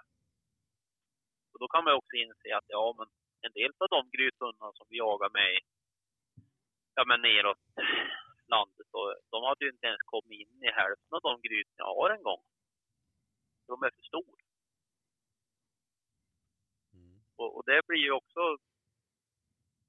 Storleken är, det ska jag också säga, om man nu kan kalla det en egenskap. Storleken är ju en av de viktigare egenskaperna på de, mycket av de gryten jag har. Är inte hunden liten så kommer han inte fram till räven. Och då spelar det ingen roll hur mycket ja, mod och skärpa och jaktlust han har. Så det. Vikten, eller storleken, bröstomfånget är det ju egentligen som bestämmer det mycket. Då, men det är ju en jätteviktig del här i varje fall i skogslandet. Några andra såsom lojakter där då? Vad, du har redan varit inne och nosat lite grann på det, men vilka egenskaper primerar du då? Ja, då, är, då värdesätter jag en hund som går tyst på slag. Och när han reser lon så ska han göra absolut sitt yttersta för att komma ikapp lon. Att han ska, det ska vara en skarpsprungen hund helt enkelt. Eh, sen beror det lite på vart man är. Jag menar om man är nere i Uppland och jagar lodjur till exempel, där det är lite snö och platt mark, då är det, behövs det kanske inte alls den hunden för att lyckas. Eh, men jag skulle säga att åtminstone här i norra delen av Dalarna skulle jag säga att det är en framgångsfaktor i och med att vi nästan alltid har för mycket snö. Enda chansen vi liksom har att lodjuret gör ett misstag, gå på en passkytt, alternativt att det går i träd eller blir ståndskall, det är att hunden är skarpsprungen. Annars är det kört. Annars så, ja, så är det godnatt. Så att säga. Då, då, hunden kommer aldrig få tryck på lot och skulle vi få jakt på det så, har de sån jäkla koll vart passkyttarna är som är med så att de bara rundar dem hela tiden för de har all tid i världen att smyga. Så det, den delen tycker jag är extremt viktig om man ska lyckas jaga lo i, i skogslandet eller i, ja, där det är mycket snö då helt enkelt. Ja, men när började du med lodjursjakt? Du har hållit på ganska länge där och... Vet, det var ju någon gång i slutet på 90-talet där, för då var det ju faktiskt ganska mycket lodjur även här i norra Dalarna. Eh, och, alltså det var ju, ja vi hade lodjursjakt. Ja det var ju jättemycket lodjur då på den tiden. Det kommer jag ihåg. Vi hade ju jakt varje dag på lodjur. Det var bara att hundarna vi hade på den tiden, det var ju ganska dåliga. Så det blev mycket älgjakt och ja, massa trams. så vi lyckades inte så bra. Men eh, ja, sen ökar ju kunskapen såklart om vad man egentligen behöver för att lyckas jaga och, och få och jaga lodjur egentligen. Jag tror att det vi tänkte lite fel på den tiden, det var att vi ställde nog ut lite för långt bort helt enkelt och var inte riktigt uppmärksamma på hur, eller liksom inte riktigt med. Man får ligga med i spåret hela tiden. Det är ju det. Så även om det går fel så ökar ju chansen. Vi, ibland när hunden lämnar träd, om inte den fattar att det har gått i träd, då, då går ju lodjuret ner med samma hunden är borta. Men ibland stannar de ju i träd också och det kanske vi gjorde bort oss lite där man ser i backspegeln då att man skulle jag gett ett råd till mig själv sådär, vad blir det, 30 år sedan? Nej, 20, ja lite över 20 år sedan och 25. Häng, häng i spåret bara. Så då kanske det löser sig ibland. Så att man ringar ju mycket som du sa, men hur stor ska ringen vara? Är den så liten som möjligt egentligen eller? Ja, alltså när vi jagar lodjur då brukar man ju, alltså ringen måste ju, eh, jag släpper ju högst ogärna utan en ring, även om det går att, att göra det, men men alltså jag har ju varit med om någon ring som har varit 4-5 hektar, som har legat i en ung skog, vilket i och för sig är ovanligt, men annars är väl ringen kanske, normalringen ligger väl mellan 1-2 kilometer ungefär i diameter, cirka, tycker jag. Det är väl ganska optimalt i min värld.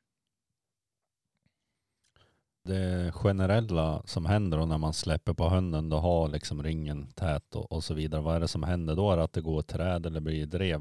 Hur skjuts de flesta lodjuren? Ja, det beror ju lite på egentligen. Är du här uppe så skulle jag nog säga att det är större chans att det blir skjutet för en passkytt än att det går i träd.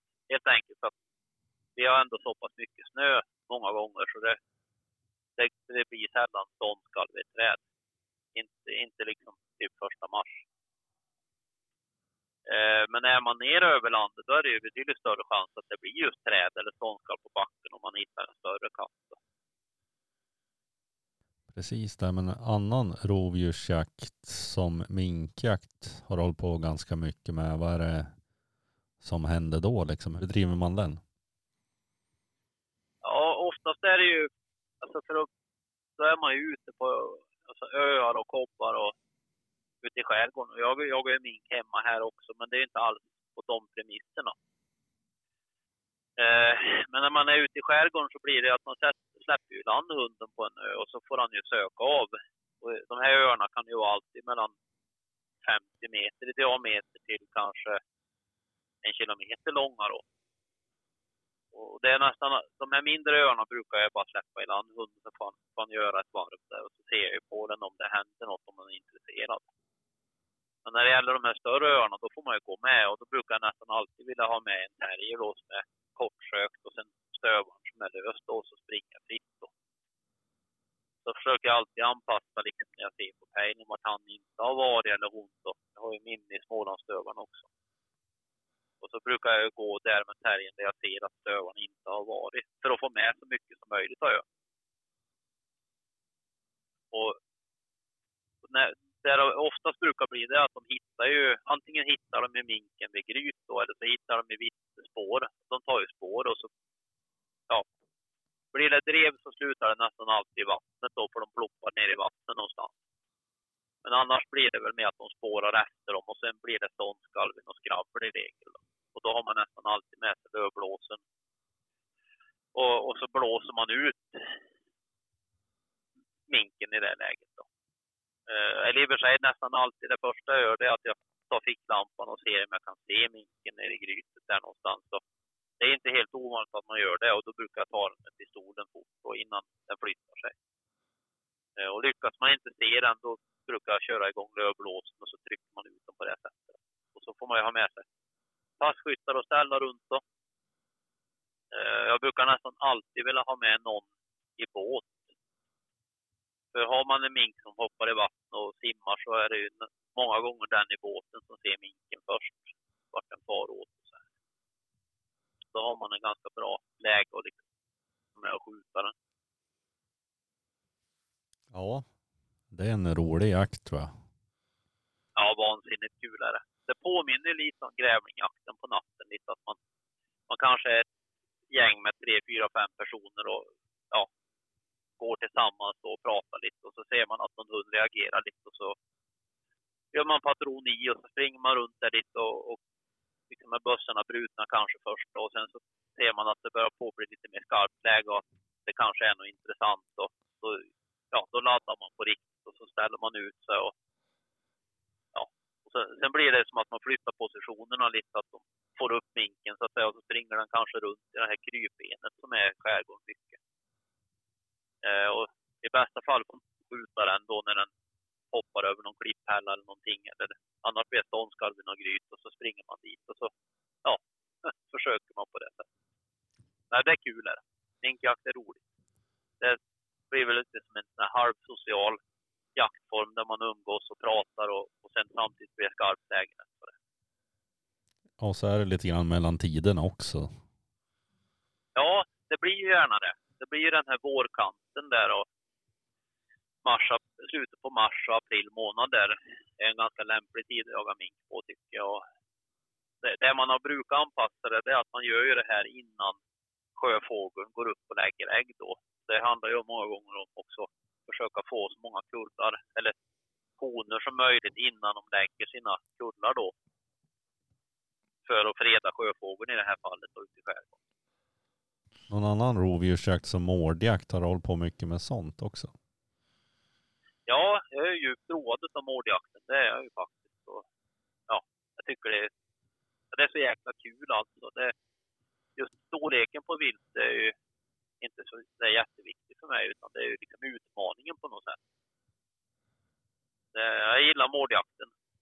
Det, det gör jag verkligen. Jag tycker det är jäkligt kul. Och det blir ju på något sätt att man går runt och knackar träd eller man gräver i backen och håller på och jobbar och sliter och sen här händer allting och det går så jäkla fort och mården smiter och då måste allt stämma liksom. Annars är man rökt. Och då, eller fortsätter jakten.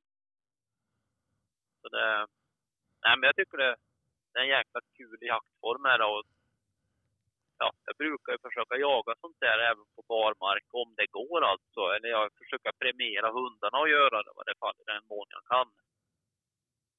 Så det är att de verkar hålla på med något målspår och så här, då brukar jag alltid låta dem hålla på och fortsätta med det. Men hur bedriver man mårdjakt effektivast? Är det spårsnö som gäller eller? Ja, det är det ju. Det andra är ju bara slumpmässigt så att säga. Utan det är om man lyckas få en hund som tycker det är jätte, jättekul att spåra mård. Men vi har så pass lite mård så alltså det är fan inte ofta som vi liksom hittar mårdar på barmarken sådär. Det, det är inte många gånger. Utan det blir mycket på snö blir det och det är ju då det sker i regel. Det gör det ju helt klart. Men jag tycker det, ja det är en jäkligt kul jaktform är det. Jag gillar den. Ja, precis. Eh, du nämnde Mimmi också, en hund. Berätta lite, vem, vem är det? Ja, det är min Smålandsdövare. Hon är väl eh, 11 och ett halvt nu tror jag. Hon är väl på väg ut för så att säga. Men hon, hon gick faktiskt, eh, den här vintern så gick hon, som har varit då när hon fyllde 11 här runt jul, då gick hon ju lika bra som hon egentligen har gjort tidigare.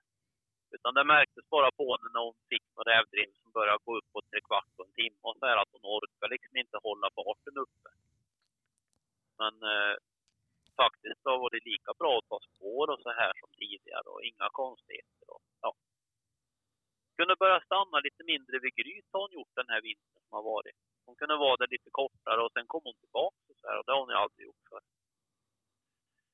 Hon har väl ändrat lite såklart då, men eh, i det stora hela så har hon varit en stor tillgång under jakten även den här vintern som har varit. Jag hoppas att hon gör det även den här vintern. Men hon, är, hon har väl varit bra. Aldrig någon björnhund, tyvärr.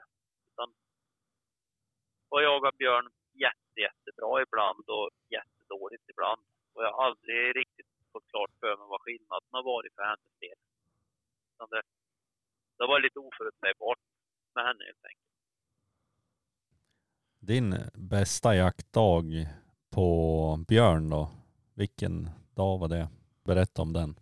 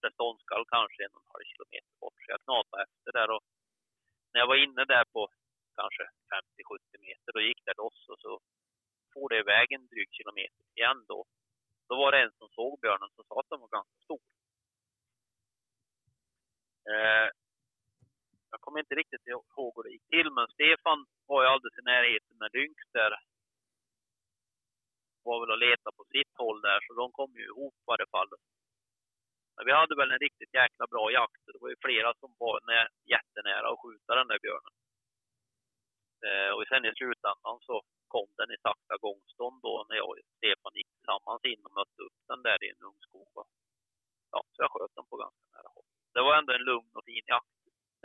Trevligt på något sätt och mysigt.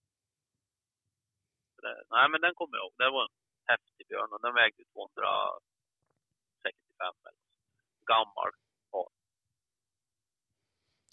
Om man säger det där första bra jaktminne när det gäller björn då, där du riktigt fick ännu mer sug efter det här, liksom de första lyckade. Har du något sånt, sånt minne också? Ja, men det var nog den första björnen jag sköt överhuvudtaget. Det var ju, alltså jag tror det var 21 augusti år 2000 var det. Det var den här kompisens jämtlajka då som, som jag var och sparkade lös henne, eller krokade lös henne liksom. Det var väl efter jobbet antar jag. Jag jobbade som timmerman på den tiden. Så får jag väl iväg och släppte lös henne och sen pep hon iväg upp i något berg där och försvann. Liksom, bara försvann där. Jag knallade väl efter där helt enkelt och ja, hade väl en knutet enpejl om jag minns rätt på den tiden. Så jag stod väl där och viftade med den där jäkeln fram och tillbaka då, för den där var riktigt, riktigt dålig på baksignaler. Man visste liksom aldrig riktigt säkert vart han var någonstans, hunden då. Utan det kunde ju vara åt ett eller annat håll. Så, men till slut så var jag uppe i något berg där i varje fall. Då hörde jag hur de stod och skällde. Så jag knallade väl dit och smög dit i varje fall. Och, och sen eh, ja, när jag var på en 30 meter, jag såg ju inte vad hon skällde på för det var väl strax en grantätning då. Då tror jag hunden märkte väl lite förmodligen att jag kom där. Och, och då liksom gjorde hon väl någon extra liksom, låg på lite extra hårt och då hörde jag hur det frasade i barken och Då var det ju en 54, tror jag den vägde, en fjolårsbjörn då som får upp i en ganska stor tall där. Eh, så jag tog inga fångar utan jag sköt den fort som satan då till den rasade ner. Eh, och det var ju ja, den första björnen som blev skjuten egentligen för de här de hundarna som fanns här då. Men eh, efter det så var det ju, ja, då var det ju faktiskt björn. Det var ju det som var starten på något sätt, den här Varga som hon hette då, Jämtberg. Ja, precis. När det gäller rävjakt, har du någon sån här minnes, extra minnesvärd dag också som du kanske tänker tillbaka till? Ja, det... Jag tror faktiskt det... Jag vet inte om det var så speciellt, men jag, på den tiden var man kanske lite snabbare att skjuta än vad man är nu. Jag vet, jag sköt fyra rävar en dag i, när jag var med och jagade räv på ett ställe. Det tyckte jag var, var lite häftigt. Det var ju sådär exemplariskt före. Det hade snö, kräksnö hela natten och så gav det upp på morgonen där. Så klarnade det upp.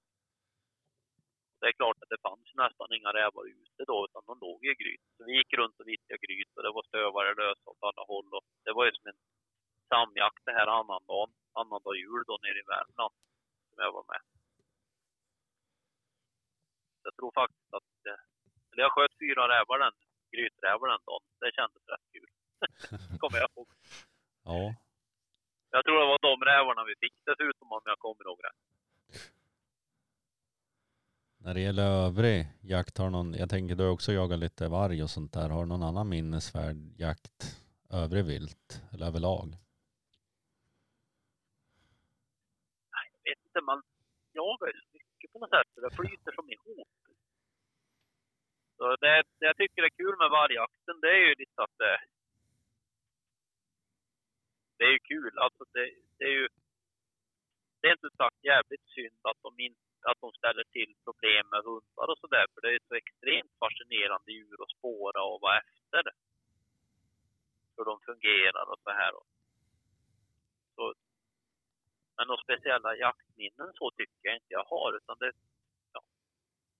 På vargarna blir det mer att man går efter och spårar till man stöter och konstaterar att det är en ensam individ i första fall, hand och sen släpper man hundarna efter den. Och sen är det väl inte så ofta som vi man som hundförare står rätt, utan det blir oftare passkyttarna som står rätt, tycker jag. Så, men visst, det var ju ganska häftigt den där jag var med i Värmland för några år sedan som, som vi fick som grytade faktiskt under jakt då. Det, det trodde jag nog inte riktigt att det skulle inträffa, liksom att det blev ståndskalligt gryt då. Mm. Den faktiskt låg där nere och ja, tog emot. Nu var det ju inte, den vägde ju 22 kilo eller någonting. Det var ju en, en varg då som tillhörde ett område där då, men ändå liksom. Det var ju ändå en sån här unik händelse som man inte trodde man skulle få vara med om. Eller som man aldrig hade hört talas om att det kunde bli så en gång. Grävde ni upp den eller hur gjorde ni då? då? Nej, det var ett sten, ett jättestengryt var det. Det var ju nästan högst sannolikt så var det väl en sån där plats där, där de eh, att säga, har kanske en yngelplats skulle jag gissa eller någonting. Alltså, den här, det här var ju en, en varg som tillhörde en flock då som, hon var väl nästan den sista som skulle skjutas där då. För de andra hade skjutits redan. Och det här var väl en av de där rendezvousplatserna åtminstone då, som hamnar på, som de återsamlar och så här.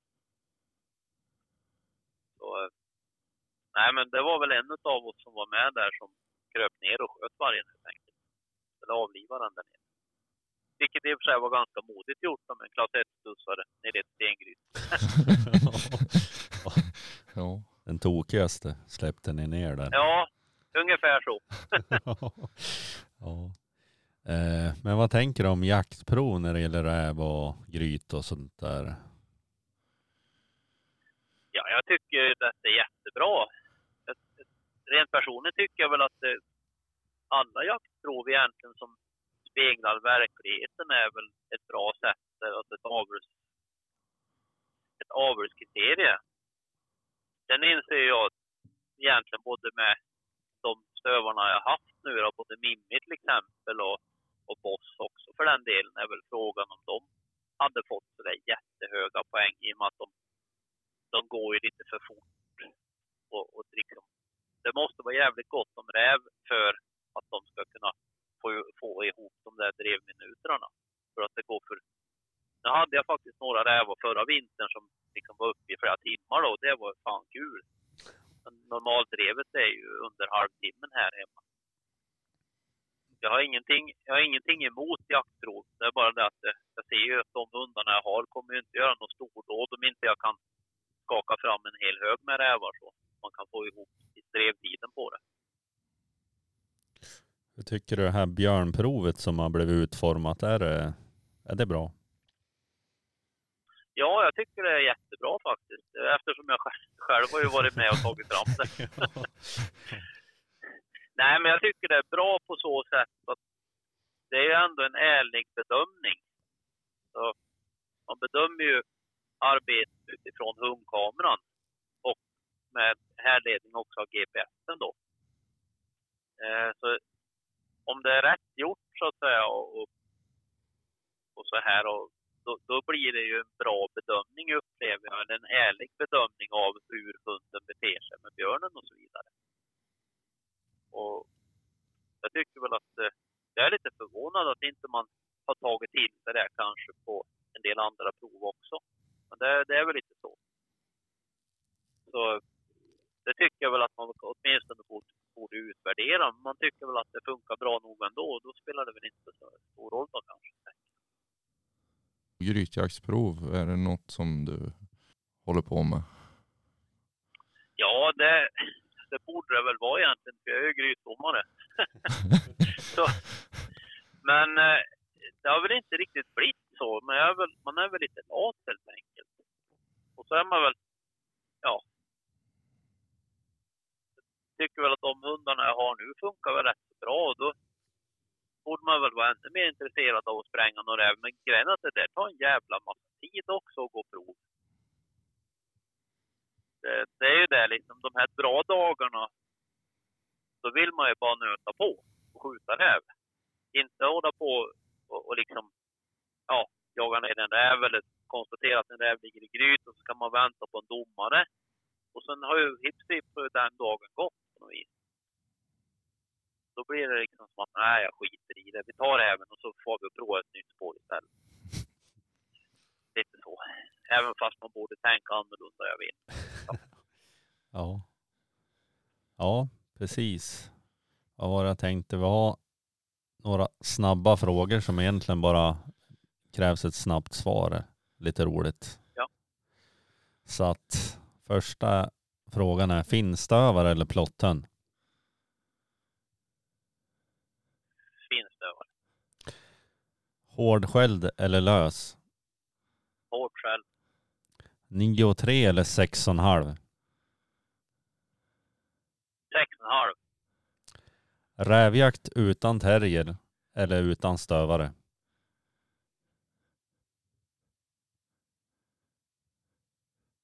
Ja, äh, bröts kontakt. Utan... Nej, ja det bröt i hjärnan i varje fall. Nej, men rävjakt utan... Eh... Nej, men jag hade nog hellre varit utan stövare än utan terrier. Ja. För, för alltså jag hade varit så jävla arg varje gång jag hade varit ute med stövarna så går, vet jag ju att medelräven går ju i gryt så gott som alltid. Så att tack Det vare... innebär att, vi får, i- att jag måste ge upp där och det kan jag liksom inte riktigt leva med. Det är bra för blodtrycket med andra ord. Ja, det är bättre en terrier. Ja. Drilling eller bock? Ja, bock för det för närvarande, ja. Björn eller rävjakt? Rävjakt. Och sen har vi en liten konstig fråga vi har st- ställt här i början, men nu ville folk att vi skulle ställa den igen. Eh, vad tar du bänkpress? Ingen aning. inte en jävla aning. Jag tänker att du är den coolaste som vi har pratat med. För att det är coolast att jaga björn. Och det borde ta 200-300 i alla fall va? Ja, det, det kanske är 70 då säger vi. Ingen aning. Jag tror aldrig jag har provat en gång. Nej. Nej, precis. Nej, men och sen så den 21 augusti, vart håller du till då? Eller vad är tanken då? Nu är det väl en bit kvar, men jag antar att du har planerat i alla fall första dagarna. Ja, men 21 augusti blir jag hemma och jagar. Då blir jag på Älvdalsskogen här och jagar och sen får vi se. Sen, sen kommer jag att flänga runt lite högst sannolikt upp i Västernorrland någon sväng och sen kommer jag väl att landa någonstans runt Västernorrland och Gävleborgs län. Ja, Jag ser väl för mig att det, det blir några, nå en eller i bästa fall en och en halv jaktdag hemma i Dalarna och sen så blir det iväg på noll. yes. Så då är det fullskjutet här. Men ja, vi får tacka för att du ville vara med i podden här och det har varit mycket intressant snack tycker jag. Ja, vad kul! Verkligen. Ja, då får du ha skitjakt den 21 augusti och resten av alla dagar. Ja, men det ska jag ha. tack så mycket och lycka till själv. Eller Ja. skitjakt menar jag. Ja, Tack så mycket. Ja, ja, tack hej. Hej då. Hej då!